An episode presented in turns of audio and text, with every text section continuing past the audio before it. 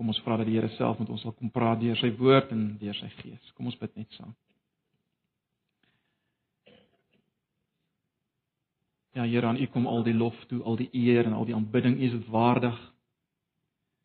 Meer waardig as wat ons ooit sal besef, uiteindelik eendag as ons die krone wat U vir ons uit genade gegee het ook vir U gaan neergooi, sal ons dit besef dat U is waardig. U is alles. In hierdie oomblikke hou U elke asemteug van ons in stand en as U U hand terugtrek vanaf ons sal ons verdwyn.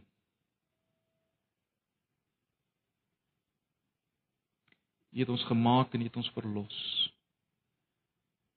Ons kom met vrymoedigheid na U kom bloot op grond van Here Jesus U werk in ons plek, volkomme werk, plaasvervangende werk.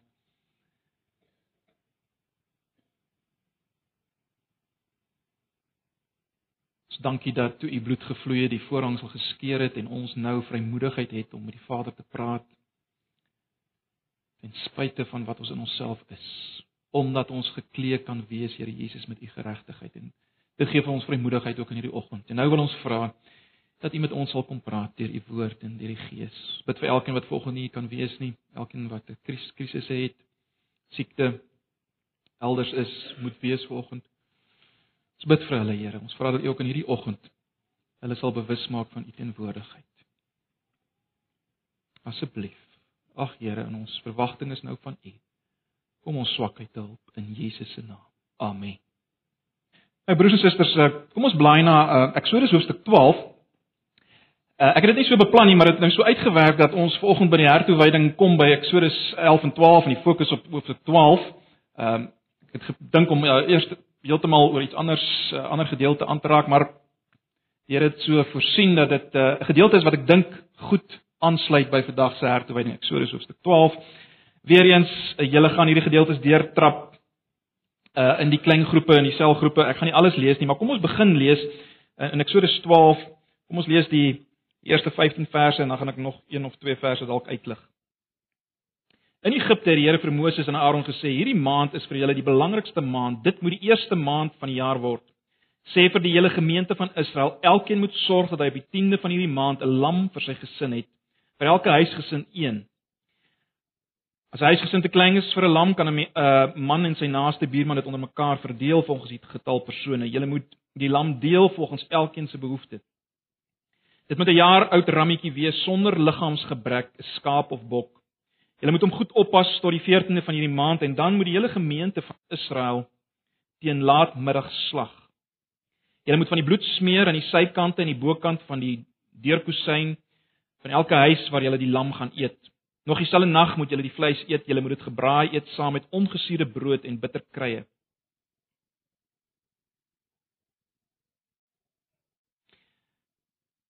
Julle moet dit nie rou of in water gekook eet nie, maar oor die vuur gebraai uh met koppootjies binnegoed en al. Julle mag niks daarvan tot die volgende môre laat oorbly nie. As daar die volgende môre nog iets oor is, moet julle dit verbrand. Julle moet dit haastig eet, aangetrek vir die reis, skoene aan die voete en kier in die hand. Dit is die Paasfees van die Here. Daar eh, daardie selfde nag sal ek deur Egipte gaan om al die eerstelinge, eersgeborenes van die Egiptenaars, mens en dier te tref. Met al die Egiptiese gode sal ek afreken. Ek is die Here. Die bloed aan die huis waarin jy is, sal 'n teken wees. Waar ek die bloed sien, sal ek die huis oorslaan en die vernietigende slag waarmee ek Egipte gaan tref, sal julle nie tref nie. Hierdie dag moet vir julle 'n gedenksdag wees. Julle moet dit as 'n fees tot eer van die Here vier. Vir julle nageslag moet dit 'n vaste instelling wees wat julle moet vier. 7 dae lank moet die brood wat julle eet ongesuurde brood wees. Reeds op die eerste feesdag moet julle ontslaa raak van suurdeeg in julle huise, want elkeen wat in die 7 dae gewone brood eet, moet van Israel afgesny word. So net daai uh, eerste 15 verse lees, die gedeelte gaan aan, uiteindelik uh, kom die 10de plaag daarvan vers 29 af en Farao laat dan natuurlik die Israeliete trek. Uh en dan is daar weer voorskrifte in verband met die Paasfees.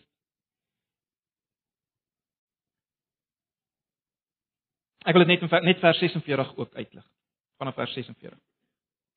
Dit moet geëet word is nou die Paasfees in die huis waarin dit bedoel is. Van die vleis mag niks buitentoe geneem word nie, geen been van die Paaslam mag gebreek word nie. En dan weer vers 47, die hele gemeente van Israel is verplig om die fees te vier. Die hele gemeente van Israel is verplig om die fees te vier.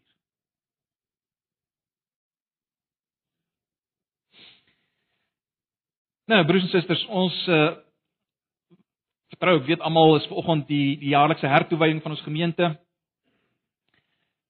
En by hierdie geleentheid kom ons as te ware as lidmate en ons sê dat ons is deel van hierdie gemeente en ons wil graag deel wees van hierdie gemeente. Anders gestel, ons wil deel wees, ons is deel en ons wil deel wees van hierdie sigbare gestalte van God se mense. God se mense word hier sigbaar in hierdie plaaslike gemeente Antipas en ons is deel en wil graag deel wees van hierdie gemeente. En ons verstaan wat die voorregte en wat die verantwoordelikhede is van deel wees van hierdie gemeente. Dis waarvoor ons vanoggend hier is. En ons wil ons wil fees vier om dit te bevestig. Ons wil fees vier saam in die gemeente om te bevestig dat ons deel is van hierdie gemeente en deel wil wees van hierdie gemeente. Nou ek weet die oomblik uh, as ons dit sê dan uh, dan is daar natuurlik 'n vraag in sommige mense se koppe. En die vraag is maar is dit regtig so belangrik? Dis altyd die vraag wat mense kry. Is dit regtig so belangrik om deel te wees van 'n plaaslike gemeente? Is dit werklik so belangrik om deel te wees van die sigbare gestalte van God se volk, die kerk van die Here Jesus, soos dit vergestalte vind in Antipas? Is dit werklik so belangrik? Ek meen, kan ek nie maar net by die huis bly nie? Kan ek nie maar net by die huis bly nie? Ons het vandag alles tot ons beskikking. Ek meen, ek kan 'n baie baie beter preek op internet luister. Dis net so. Moet ek myself blootstel aan aan ander Christene wat my kan seermaak, my kan teleurstel, my in die rug kan steek? Moet ek myself daaraan blootstel? Is dit nodig? Ek kan dit ons vermy. Ek meen by die huis kan ek die ou afsit wanneer ek hom wil afsit en weer luister wanneer ek wil luister. Moet ek moet ek hier wees en in liedere sing wat wat nie heeltemal my styl is nie of wat ek nie heeltemal van hou nie. Kan ek nie maar by die huis bly? Kan ek nie maar rondshop en gaan kyk of ek volgende Sondag 'n ander plek kry en dan weer 'n ander plek en dan weer 'n ander plek waar waar ek gelukkig is? Moet ek myself verbind tot 'n gemeente? Is dit belangrik? Dis 'n vraag, broers en susters, waarmee baie mense worstel, dalk nie jy nie. Dalk het dit al by jou opgekom. Nou, ek wil vanoggend ek wil vanoggend hê ons moet 'n ander vraag beantwoord en ek vertrou dat as ons hierdie vraag kan beantwoord, sal ons die vraag van die belangrikheid om deel te wees van 'n gemeente ook kan beantwoord. So hier is die vraag.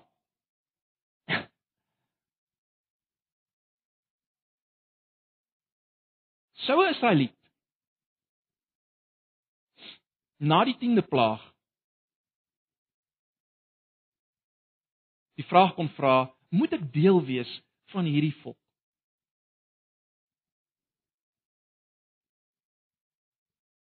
Moet ek regtig deel wees? Moet ek saam die Pasga of die Paasfees vier? Moet ek saam hierdie uh ongesuurde brode eet? Kan ek nie maar op my eie doen nie? Kan ek nie maar my eie donkie opsaal en op my eie hierdie woestyn nou invaar nie.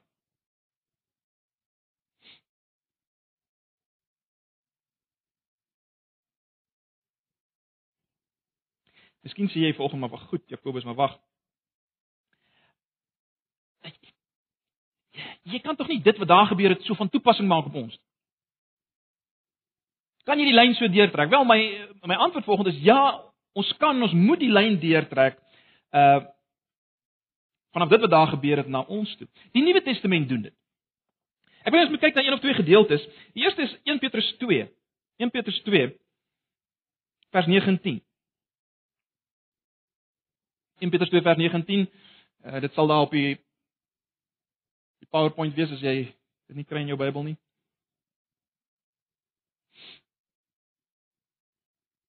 Ek wil hê julle moet kyk Hoe word hierdie gemeente beskryf? Dis 'n gemeente vir wie Petrus skryf, 'n gemeente in Rome eh, waarskynlik. En hy skryf vir hierdie gemeente en en en luister die taal wat hy gebruik. Julle daarenteen is 'n uitverkore volk. Hy skryf vir hierdie gemeente. Julle daarenteen is 'n uitverkore volk, 'n koninklike priesterdom, 'n nasie. Hy hy praat met 'n gemeente. Hy sê vir hulle, julle is uitverkore volk, julle is 'n nasie. Hy praat met 'n gemeente, hoor. Wat vir God afgesonder is, die eiendomsvolk van God, die volk wat die verlossingsdare moet verkondig van hom wat julle uit die duisternis geroep het na sy wonderbare lig. Julle was vroeër geen volkie, maar nou is julle die volk van God. Julle toe geen barmhartigheid ontvang nie, maar nou het God aan julle barmhartigheid bewys. Nou, hoekom dit so insiggewende gedeelte is, as ons gaan nou nog daarby kom in Eksodus uh, 19 vers 5 en 6. As ons kom by Eksodus 19 by Sinaï, dan is dit presies die woorde wat God gebruik om die volk te beskryf. Hy sê hy gaan vir hulle sê julle is 'n uitverkore volk, 'n koninklike priesterdom.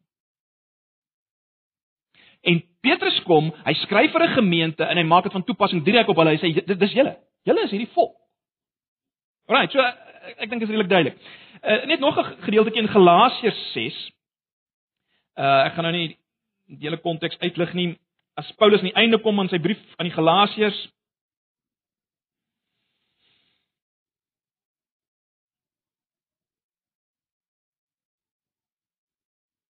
uh, dan praat hy oor die belangrikheid om te lewe volgens die beginsel van die kruis waar dit nie saak maak of 'n mens besny is of nie besny is nie, maar of jy 'n nuwe mens is. En dan in vers 16 sê hy en almal wat volgens hierdie beginsel leef, die ware Israel, mag God aan julle vrede gee en barmhartigheid bewys. En almal wat volgens hierdie beginsel leef, die ware Israel. Hy praat met die gemeente in Galasiërs. En hy sê vir hulle as julle leef volgens hierdie beginsel waaroor ek nou geskryf het, dat dit nie maak saak maak of jy besny is of nie besny is nie, maar of jy 'n nuwe skepsel is. As jy leef volgens hierdie beginsel, wel die ware Israel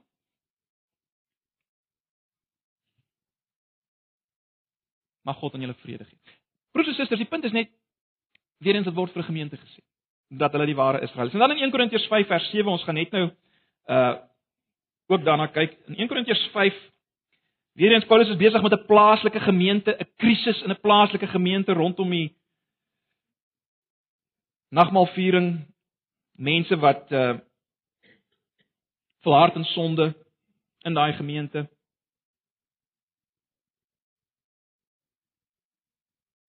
In Korintiërs 5 vers 7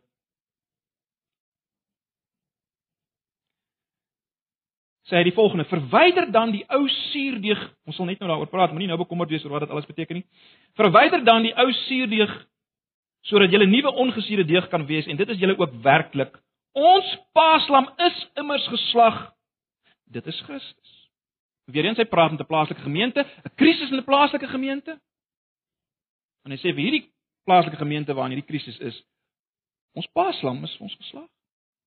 So, Al wat ek maar net probeer sê is broers en susters, ons kan met vrymoedigheid uh kyk na wat gebeur het by die eerste Pasga. Ons kan dit wat daar gebeur het deurtrek na ons die Nuwe Testament doen dit dit gee ons die vrymoedigheid om dit te doen. Ons is die ware nageslag van Abraham, weet ons. So ons kan daarna kyk. So wat ek vanoggend gaan doen ek gaan 'n paar stellings maak. 'n Paar stellings uh wat ek dink dit vir ons maklik gaan maak om om die Israelietse vraag te beantwoord. Die vraag: Moet ek deel wees van hierdie volk? Kan ek nie op my eie aangaan nie? Kan ek nie myself die woestyn invaar en my eie pas gevier nie? 'n Paar stellings maak en ek vertrou dat ons dan daai vraag kan beantwoord en dan per definisie die vraag: Is dit belangrik vir ons om deel te wees en deel te bly van 'n plaaslike gemeente, 'n sigbare gemeente? En die eerste stelling wat ek wil maak is dit: die volk is God se eersgeborene. Die volk is God se eersgeborene. Ek dink ons almal weet, ons het nou weer gesien dat die laaste plaag die dood was van die eersgeborenes in Egipte, mens en dier, geweldig traumaties.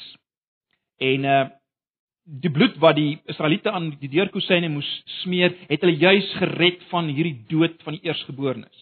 Dit het hulle bewaar van hierdie plaag, as jy wil. Maar wat gaan hier aan? Kom ons dink vir 'n oomblik hieraan. Hier uh, uh, uh, hieroor na. Die, die die hele kwessie van die eersgeborenes. Waarom is dit so belangrik? Waarom waarom hierdie klem op die eersgeborenes? Onthou 'n bietjie wat God vir Moses gesê het in hoofstuk 4. Ek wil hê julle moet blaai na hoofstuk 4. Ek sê dis hoofstuk 4. So dis hoofstuk 4.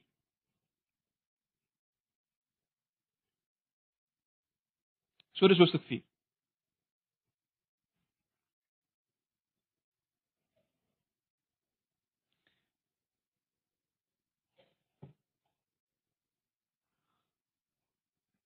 Dis wat God vir Moses gesê het daar net na die brandende bos in die woestyn. Ek gaan dit in albei vertalings lees net dat julle kan sien. Die 83 vertaling klink so: Dan moet jy vir die farao sê, so sê die Here, Israel is my oudste seun. Ek het vir jou gesê laat my seun gaan sodat hy my kan aanbid, maar jy het geweier om hom te laat gaan en nou gaan ek jou oudste seun doodmaak. Die letterlike vertaling, soos dit in die 53 is, lei so: Dan moet jy vir die farao sê, dis die dis die vertaling wat ek daar op het. Dan moet jy vir die farao sê, so spreek die Here, my eersgebore seun is Israel. Daarom beveel beveel ek jou, laat my seun trek dat hy my kan dien, maar jy het geweier om te laat trek. Kyk, ek sal jou eersgebore seun laat sterf. Broers en susters, is uiters belangrik om dit raak te sien en te verstaan. Uh wie is verlos uit Egipte? Moses, Aaron, Miriam, hierdie Israeliet, daai Israeliet? Nee. Israel as volk. Die volk is verlos en hierdie volk word genoem word gesien deur God as sy eersgeborene. Dis uiters belangrik, as sy eersgeborene. Die eersgeborene wat hy gekies het om sy eersgeborene te wees, nie omdat en dit weet ons nou al, nie omdat Israel uh bo gemiddeld getrou was nie. Toegewyd was nie, oulik was nie beter was as die ander volke nie. Nee, nee, nee, niks daarvan nie. Bloot op grond van die feit dat God homself gewend het tot Abraham, 'n belofte gemaak het en hy bly getrou aan daai belofte en daarom is hierdie volk nou sy eersgebore, omdat God 'n besluit geneem het. En getrou bly aan sy besluit. Word die volk sy eersgeborene genoem. God het met 'n eed beloof dat hulle sy volk sal wees. En dis hoekom die hele volk, as mens kyk na Eksodus 12 vers 5 en 6, ehm um, Eksodus 12 vers 5 en 6. Daar moes die hele volk teen die middag slag. En Eksodus 12 vers 5 tot 6 is baie duidelik. Die punt is broers en susters, dit was nie bloot 'n individuele saak nie. Hierdie hele uh, slag van die lam, die smeer van die bloed was nie 'n individuele saak nie. Kom ek stel dit so. Wie het behoort aan die Here? In in in hoofstuk 13 uh van Eksodus gaan dit oor die eersgeborenes. Die die letterlike fisiese eersgeborenes, né? Nee. En en wat baie duidelik is, die Here sê daai eersgeborenes behoort aan my. Maar die punt is wat God reeds in Eksodus 4 sê is dat Israel is daai eersgeborene. Met ander woorde, Israel, die volk behoort aan hom. Deur verkiesing en nou uiteindelik word hierdie eersgeborene ook duur gekoop. Hy word ook duur gekoop eersgeborenes uiteindelik moes sterf vir hierdie eersgeborene, die volk. Eersgeborenes moes sterf vir hierdie eersgeborene. Met ander woorde, wat wat probeer ek sê? Jy as individuele Israeliet het behoort aan hierdie eersgeborene. Verstaan julle dit? Jy as individuele Israeliet het behoort aan hierdie eersgeborenes. En die die punt is maar net in die lig van wat ek nou net gesê het, as jy weet jy's deel van hierdie verkose, duur gekoopte eersgeborenes wat gekoop is deur die bloed van 'n eersgeborene en die dood van eersgeborenes, hoe op aarde sou jy kon sê wel ek gaan op my eie aan. Ek gaan op my eie aan. Ek gaan op my eie fees vier en op my eie die woestyn invaar. Nee. Dit is belangrik dat ons dit sal hoor. Israel as volk is God se eersgeborene. Nou broers en susters, uh dieselfde geld vir ons as Nuwe Testamentiese mense. Ons as gemeente is God se eersgeborene, God se oogappel. Dit is baie interessant as ons kyk na Efesiërs 5. Uh daai gedeelte waar die huwelik beskryf word, dan dan maak Paulus die volgende uitspraak: Mans, julle moet julle vrouens lief hê soos Christus die kerk of die gemeente liefgehad het en sy lewe daarvoor afgelê het. As die Bybel praat oor vir, vir wie sy lewe afgelê het, dan sê hy dit vir die gemeente afgelê. Jy sien, vir die gemeente, vir die nuwe volk. Sy oogappel. Sy mense wat deel aan geweldige voorregte waarvan die Nuwe Testament praat. Ons het al baie geleenthede daaroor gepraat. Ons gaan nie vanoggend daarby stil staan nie. Geweldige dinge wat gesê word oor hierdie gemeente.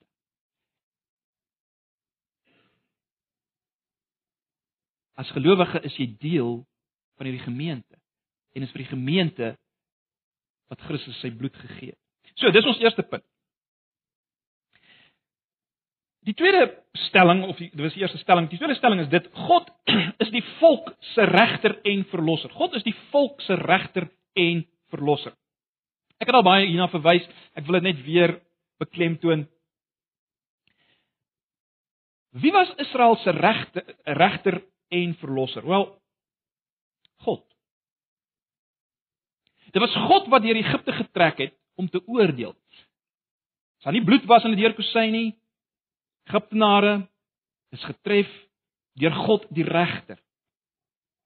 Maar dit ook dit was dieselfde God, let wel, dit was dieselfde God wat Israel se huise beskerm het. Dieselfde God wat opdrag gegee het, smeer bloed aan van die eersgebore lam aan die deurkosyne en dan sal ek nie die huis tref nie. So dieselfde God wat die regter is, die een wat oordeel en deurbeweeg, dieselfde God is die een wat verlos. Israel verlos as volk. Nou, ons in die Nuwe Testament moet dit goed verstaan en ek het al baie daaroor gepraat.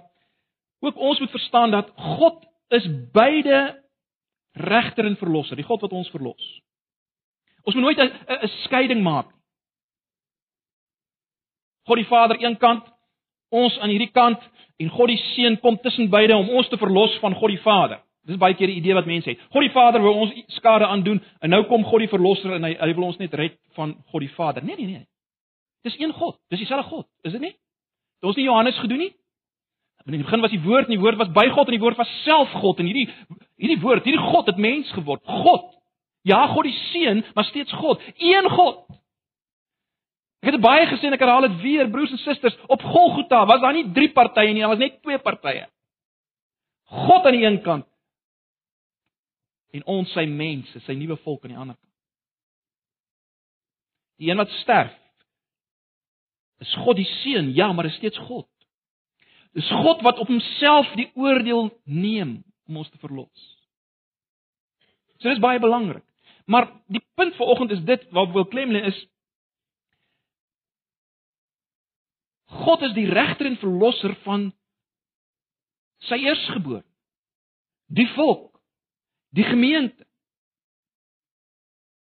Ons as geheel Geen Israeliet sou daarop aanspraak maak dat God net sy regter en verlosser is. Nee. Hy's ons regter en verlosser. Hy het deur Egipte getrek. Hy het geoordeel en ons verlos. So is baie belangrik.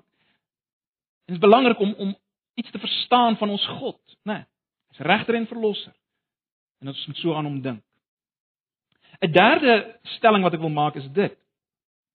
Verlossing vir die volk was deur plaasvervanging. Verlossing vir die volk was deur plaasvervanging.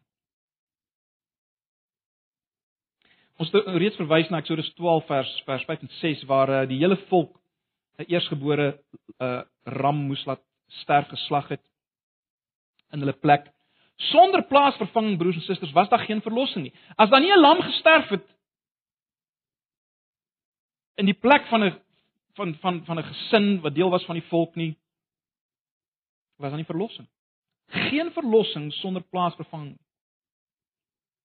En dis uiters belangrik. Want daar steeds geen verlossing vandag sonder plaasvervanging.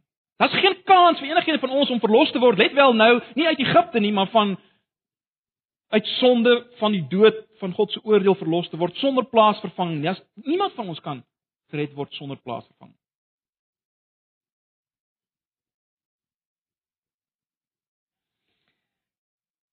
Kom ek stel dit so, as die volk bly lewe.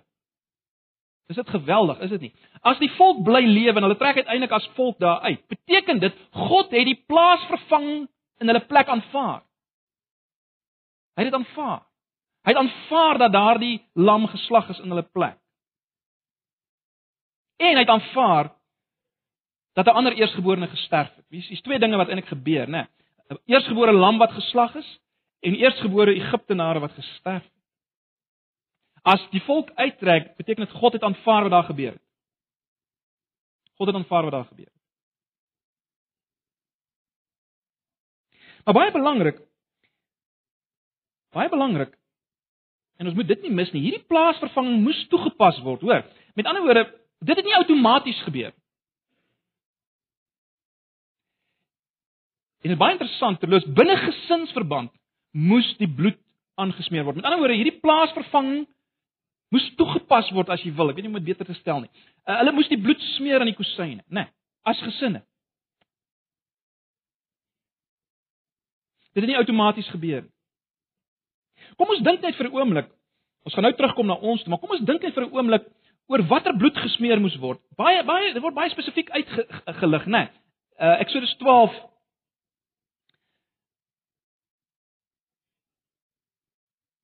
vers 5. Eksodus 12 vers 5.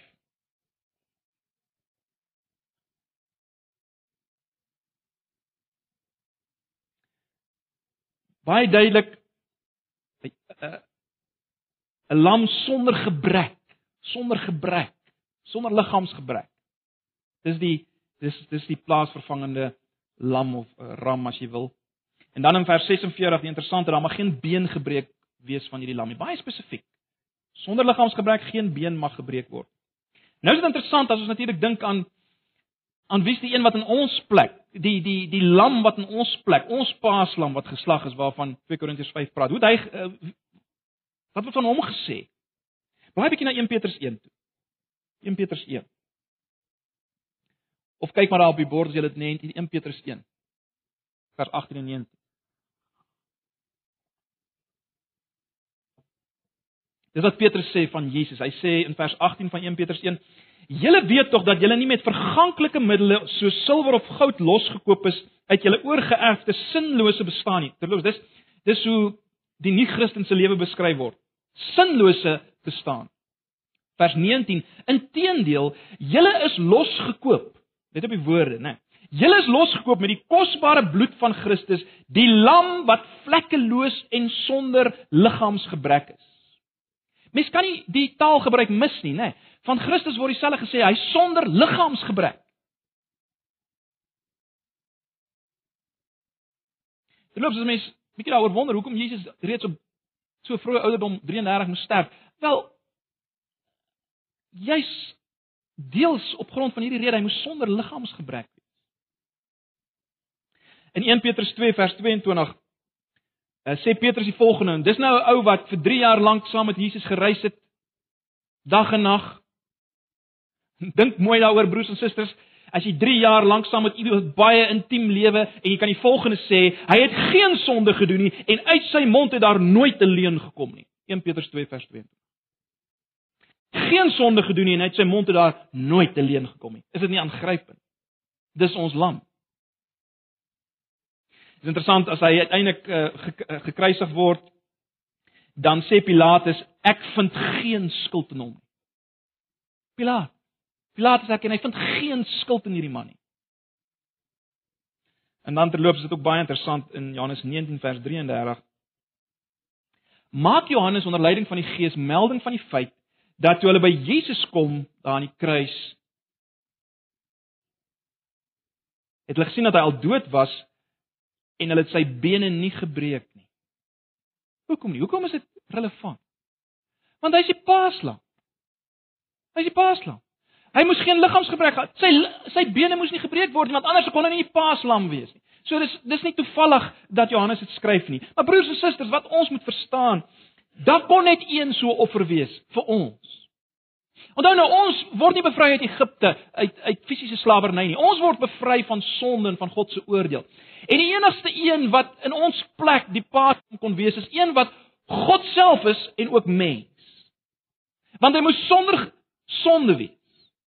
En sonder enige gebrek. Maar ook mens.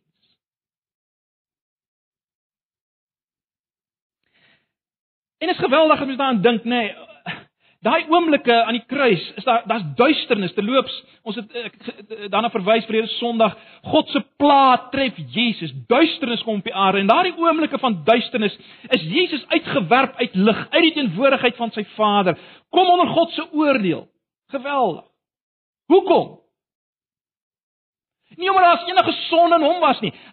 Hy het geen sonde gedoen nie, sê 1 Petrus 2 vers 22. Dat dat nooit 'n leuen eers uit sy mond gekom nie. Hy het geen sonde gehad nie, maar hy sterf in duisternis omdat omdat ons skuld op hom gelaai is. Die eerstgeborene se skuld is op God se eerstgeborene gelaai en God se eerstgeborene sterf.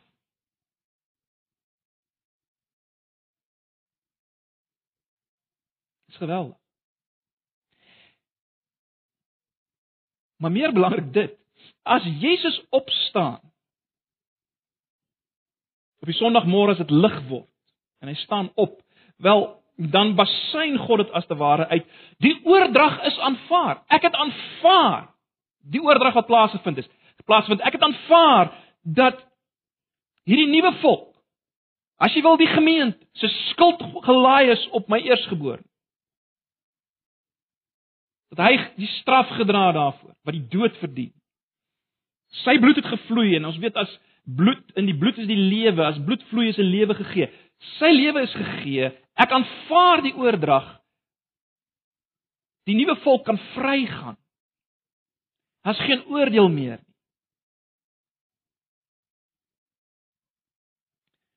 Broers en susters, God sien ons as sy kinders, maar baie belangrik as gemeente Hy sien ons as sy eersgeborenes wat geen skuld meer het nie, want sy eersgeborenheid gesterf. Dit is baie belangrik. Hy sien ons as sy eersgeborenes sonder enige skuld. Maar dink 'n bietjie mooi daaroor. As Jesus moes sterf soos die eersgeborenes van Egipte gesterf het, wat sê dit vir ons? Dit sê vir ons dat deel van ons skuld is die feit dat ons soos Farao in Egipte as te ware in rebellie is teen God en sy skepingsdoelwit. En daarvoor sterf Christus. Hy dra daardie skuld in ons plek. Geweldig. Hy dra daardie skuld in ons plek. Kom ek stel dit anders, die enigste manier hoe God kon lief bly vir sy eersgeborene ons gemeente Die enigste manier hoe hy vir ons kon lief bly, maar ook regverdig kon wees teenoor ons. Ek praat nou van ons, nie Israel nie. Dis ons wat verlos van is van sonde. Israel is verlos uit Egipte. Die enigste manier hoe hy vir ons kon lief bly en regverdig wees, God bly wees en sonde regverdiglik straf. Die enigste oplossing daarvoor was plaasvervanging. En hy self moes die plaasvervanger wees. God die Seun. Dis die enigste manier hoe hy ons kon vryspreek. Daar is geen ander manier nie, broers en susters. Daar is geen ander manier hoe jy vir God kan staan nie. Jy kan so goed lewe van vandag af soos jy wil. Jy kan nie voor God gaan staan nie. Hy is die absolute rein, heilige, regverdige. Net sy eie eersgebore seun kan voor hom staan. En jou enigste kans as jy in hom is. En dit bring my by my volgende belangrike punt. God moes die bloed sien aan die deurkosyne van die Israeliete. Né? Nee. God moes die bloed aan die deurkosyne van die Israeliete sien. Broers en susters, dan moet ook in ons geval persoonlike toepassing wees. Dis nou nog so. Dit men, geen mens word outomaties gered deur dit wat Christus gedoen het. En ek dink dis iets wat vir ons gesê word deur die bloed wat gesmeer is aan die deurkosyne. Daar moes persoonlike toepassing wees. En baie interessant weer eens in in Israel moes dit binne gesinsverband wees. En broers en susters, ons moenie dink gesinne is nie meer belangrik nie. Gaan lees Efesiërs 5 en 6 die die oproepe en die opdragte kom na die gesinne toe. Kom na die gesinne toe. Dis uiters belangrik.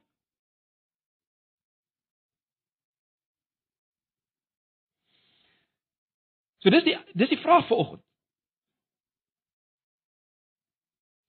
Jy wat deel is van hierdie gemeente, sê jy's deel van hierdie gemeente? Julle as gesin was daar al persoonlike toepassing? Het jy persoonlik dit wat Jesus Christus gedoen het omhels, gegryp, plaas jy hoop daarin, soos die Israeliete die bloed gesmeer het aan die deurkosyne en hulle hoop was daarin dat God dit sien, die eersgeborene wat gesterf het in hulle plek. Dis die vraag. Het jy hom al vasgegryp met die leë hande van geloof, nou jy aan hom alleen vas? Dit moet persoonlik toegepas word. Dit bring my by my vierde stelling die die Pasga was die begin van die volk se lewe van feesviering. Die Pasga of Paasfees was die begin van die volk, let wel op my woorde, die volk se mens kan amper sê 'n nasionale lewe van feesviering. Das min twyfel dat dat hierdie Paasfees of Pasga eintlik gesien is as die begin van Israel se lewe as as volk, as 'n nasionale lewe as jy wil. Ons sien dit in vers 2, in vers 14, in vers 17. Dis die dag. Dis die dag. Dit word so gesien. En baie belangrik, die volk moes as volk saam fees vier. Kyk 'n bietjie na weer na Eksodus 2 vers vers 14 en vers 47. Hierdie dag, hierdie dag moet vir julle gedenkdag wees. Julle moet dit as 'n fees tot eer van die Here vier, julle. En dit moet 'n vaste instelling wees. En dan weer in vers 47, die hele gemeente van Israel is verplig om die fees te vier. Broers en susters, dit was die gemeente of, of die volk. Verloops die nuwe vertaling verwys na die volk as gemeente. Maar goed, dit was die volk wat vrygekoop is. En wat nou saam moes fees vier as verlosters. Was daar rede om fees te vier? Verseker. Verseker. God het die inisiatief geneem in hulle verlossing. Wat sê dit? Dit sê God is lief vir ons. God stel belang in ons. God kom sy verbond na vir ons. Dis rede om fees te vier. God neem inisiatief. God neem inisiatief. Hulle is verlos van dink mooi daaroor broers en susters. Hulle is verlos van slawerny. Na absolute vryheid. Eh, gaan gaan lees maar weer hoe dit was onder hierdie slawerny in Egipte. Dit was haglik. Dit was haglik. En hulle is bevry deur hierdie God wat in hulle belangstel, hulle liefhet van slawerny na vryheid. Hulle is ook bevry van armoede na rykdom. Ek weet nie of julle dit raak gesien het nie. Kyk 'n bietjie na Eksodus 11 eerstens. Eksodus 11 vers 2. Interessante versie gaan sê vir die volk, elke man en vrou moet silwer en goud goed van hulle Egiptiese bure eis. En dan weer in vers 35 en 36. Verder het die Israeliete die opdrag van Moses uitvoer naamlik om van die Egiptenare silwer en goue goed sowel as klere te eis. Die Here het gesorg dat die Egiptenaars aan sy volk goed doen sodat hulle uit Egipte as buit kon wegdra wat ook al hulle geëis het.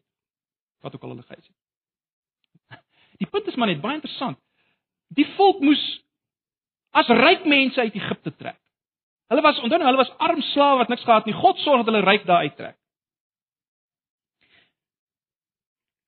Daar was rede om fees te vier broers en susters as volk, as volk. Kom ons dink 'n bietjie aan ons. Baie dieselfde redes om fees te vier ons, is dit nie? Ons is ons verlossing is deur God geïnisieer. Ons weet dit. Gaan lees maar net weer Efesiërs 2 vers 4 en 10. God het ons lewend gemaak. In Efesiërs 1 lees ons dat God ons gekies het. Wat sê dit vir ons? Hy neem inisiatief. Broers en susters, as ek self besluit het maar net ek wil nou, ek wil nou na die Here gaan. Dan was daar altyd die vraag, wil hy my regtig hê? Maar nou lees ons nie hy het na ons gekom, hy het ons gekies in Christus. Hy kom na ons toe. Hy stel belang. Hy wil my red. Dit gee my dit gee my rede tot feesviering. Hy neem inisiatief. Hy wil dit, hy wil my verlos. Sê ek wat besluit het ek wil verlos word, nie? Baie belangrik. Ons is ook verlos deur 'n plaasvervangende lam. Ons het al daaroor gepraat. Christus is ons plaasvervangende lam, uh, ram of lam. Uh ons is ook geroep vanaf slawerny na vryheid, broers en susters. Gaan lees Romeine 8. Ons is geroep van slawerny na vryheid. Wat is slawerny? Die slawerny van sonde. Die self sondige begeertes, of die vlees as jy wil. Ons is nie vry nie, ons is slawe. Gaan lees Efesiërs 2. Ons ons doen maar net soos die duiwel uiteindelik wil hê ons moet doen, nê? Nee, ons dink ons maak net soos ek wil. Ek, ek wil dit doen, so ek doen dit. Ek is vry. Nee, jy is nie vry nie. Jy doen wat die duiwel wil hê jy moet doen. Gaan lees Efesiërs 2. En dis die slawerny waarvan ons bevry word. Net soos hulle bevry is van fisiese slawerny, geestelike slawerny. Ons is bevry. Dis rede tot feesviering. En ons is geroep van armoede na rykdom. Maar let nou wel, moet my nie verkeerd hoor nie. Nie geestelik uh, uh, nie fisiese rykdom. Geestelike rykdom. Ja, God kan vir jou fisiese rykdom gee soos hy soos hy lus het. Maar dit dis nie waarna ons verwys nie. Geestelike rykdom. Efesiërs 1, julle is geseën met al die geestelike seënings in Christus Jesus. Ons het rede om fees te vier, broers en susters gesamentlik.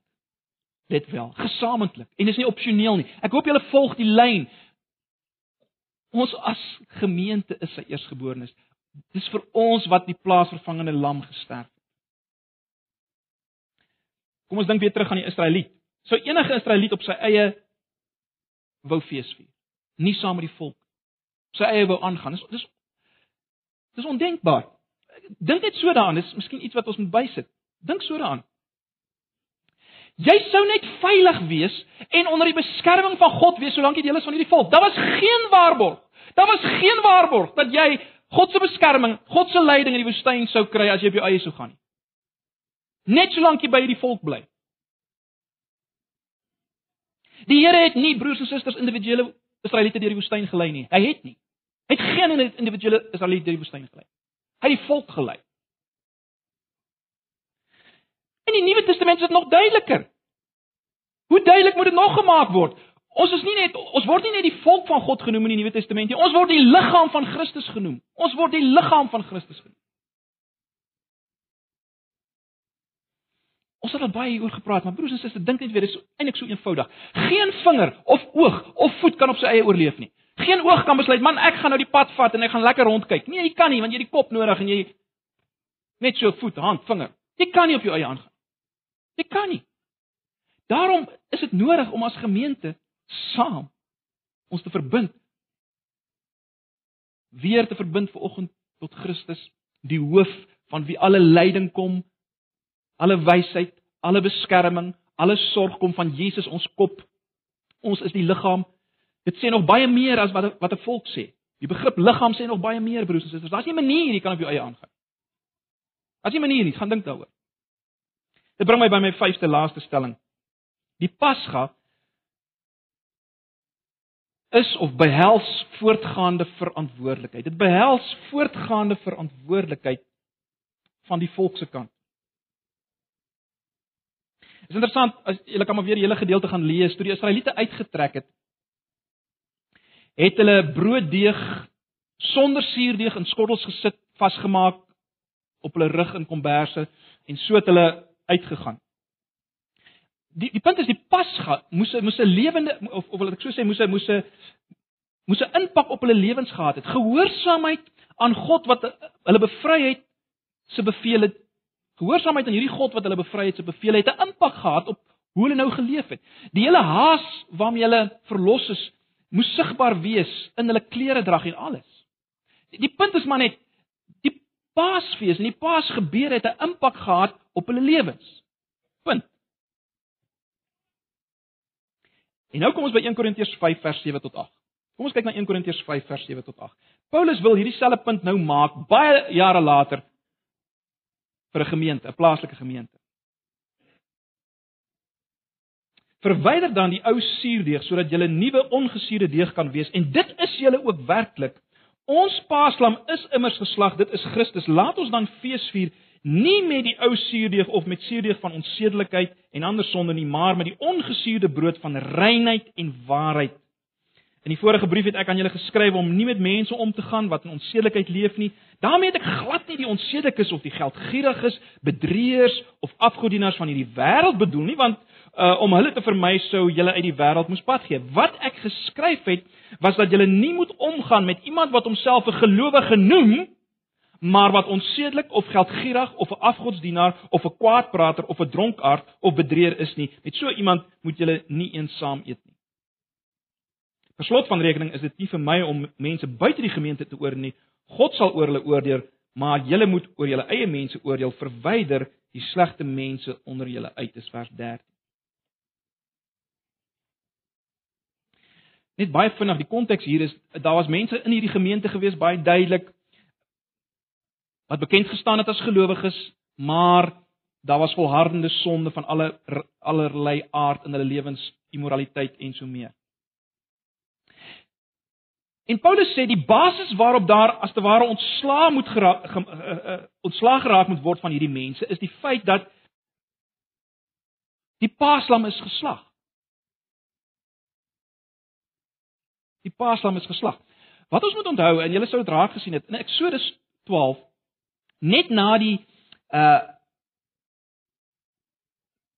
na die paasmaaltyd het die fees van ongesuurde brode gevolg. Het julle dit gesien?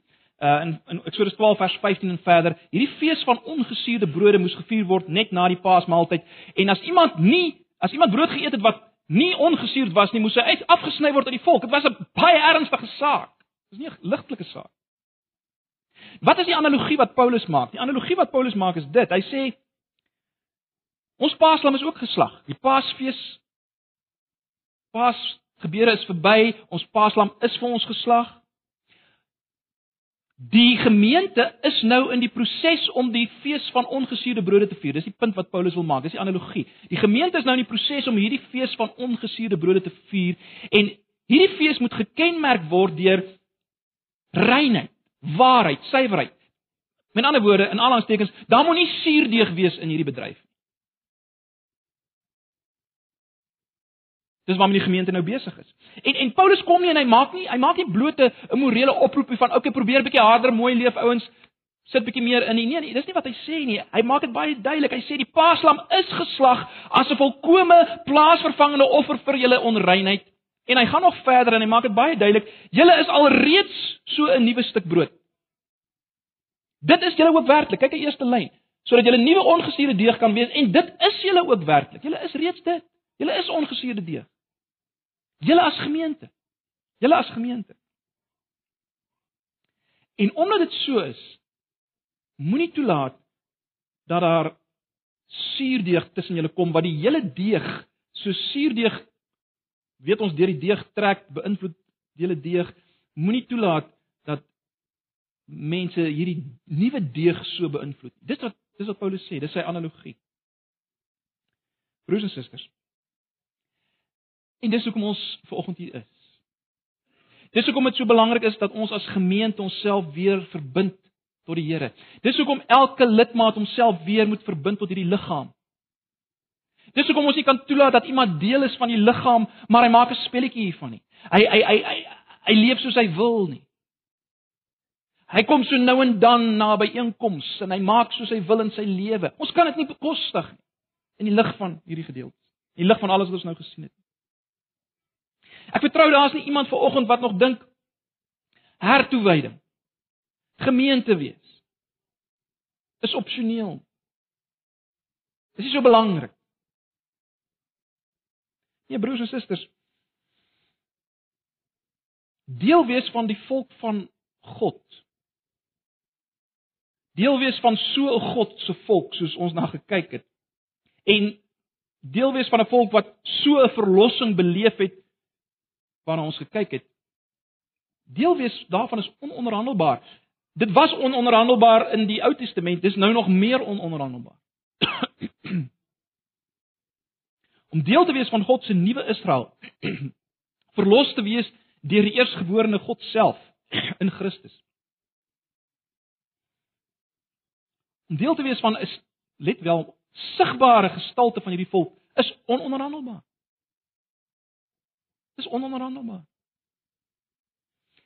En my gebed is dat, dat ons dit vanoggend sal gryp en as ons nou uh, hierna gaan en ons gaan onsself as te ware weer verbind tot die gemeente en ons van saam fees vier, die nagmaal vier as as as steken daarvan, dink hieraan. Dink waarmee is ons besig? Die belangrikheid van deel wees van God se eersgeborene. Dink aan die verlossing. Dink aan die voorregte. Ag, Mag die Here ons help uh, as gemeente om te leef in die lig van die van die Paasfees, Pasga. Die gebeure aan die kruis en in die opstanding. Mag die Here ons help om in die lig daarvan te leef. Kom ons bid saam.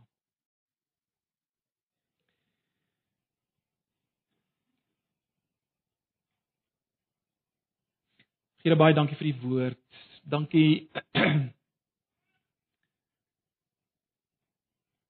vir die versterking, die bemoediging, maar ook die vermaaning hierin vir ons. Ek wil bid Here dat U ons as gemeente bewus sal maak van die die voorreg wat dit is om deel te wees van die gemeente. Ons sal dink aan die wonder van die verlossing wat U bewerk het. En dat ons saam sal fees vier, asseblief. Ag Here, lei ons daarin. Maak ons opgewonde oor U self deur die werking van u Gees asseblief. Ons vra dit net in Jesus se naam. Amen.